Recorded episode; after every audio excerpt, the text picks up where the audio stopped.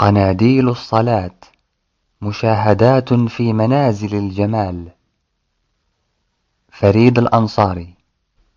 إلى أطياف المدلجين بمحاريب السرى الموقدين فتيل التراتيل من لهيب الشوق وتباريح الجوى إلى الحيار التائهين بين الحرائق والدخان. أهدي هذه القناديل. محبكم فريد الأنصاري. فاتحة السير. بسم الله الرحمن الرحيم. الحمد لله رب العالمين. الرحمن الرحيم. مالك يوم الدين. إياك نعبد وإياك نستعين. اهدنا الصراط المستقيم. صراط الذين أنعمت عليهم غير المغضوب عليهم ولا الضالين. بارقة. جاءني شاحب الوجه حزين القلب جريح الوجدان فقال أما أنا يا صاح فقد أزمنت أدوائي وأصبحت أسير بلوائي ولقد تهت في حيرة البحث عن الحكماء الناصحين ومللت من وصفات الصيادلة والمتطببين حتى عزمت على ألا أطرق بعد باب طبيب أو حكيم فقد اختلفت علي النصائح والأقوال دون جدوى وتضاعفت علي الآلام واشتدت البلوى ربما لكثرة المهالك والمحالك أو ربما لجهلي بطبيعة المسالك حتى استفحل دائي وكدت أيأس من دوائي. وإنني أطرق اليوم بابك يا سيدي لعلة ولولا ومضة من شعاع النبي صلى الله عليه وسلم ما طرقته.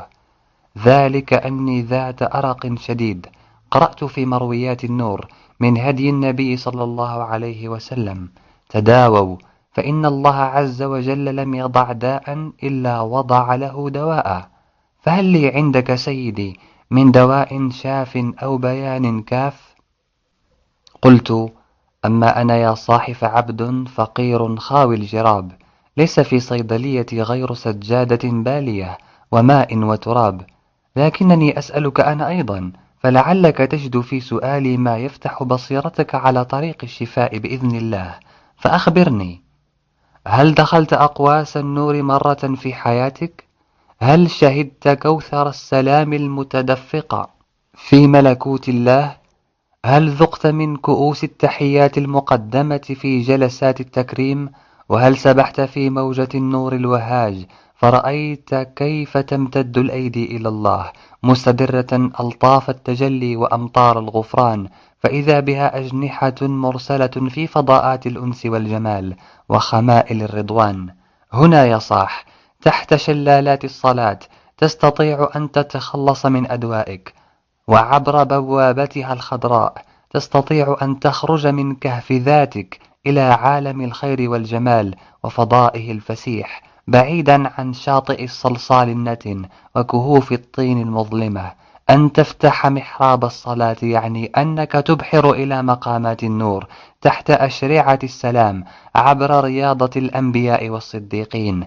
حيث تفيض الروح ببهائها على سائر أعضاء البدن فتوقد بين الجوانح قناديل خضراء تملأ القلب سكينة ومواجيد ذات هالات من نور تسري بك إلى مقام الجوار الأعلى لدى الملك العظيم.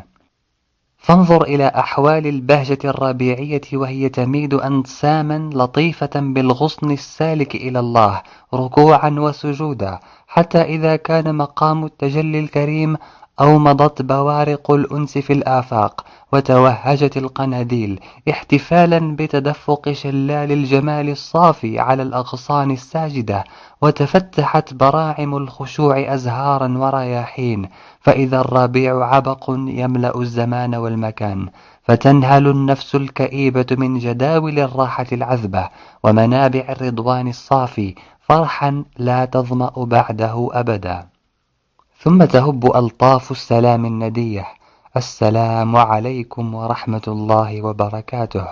وتعود إلى وطن التراب أطهر ما تكون وأجمل ما تكون وأقوى على اختراق عاصفات الظلام. فما زال بين جوانحك نور علوي لا يفتأ يستمد زيته من مشكاة الله عند كل مطلع جديد من المطالع الخمسة في مدار الكوكب الدري.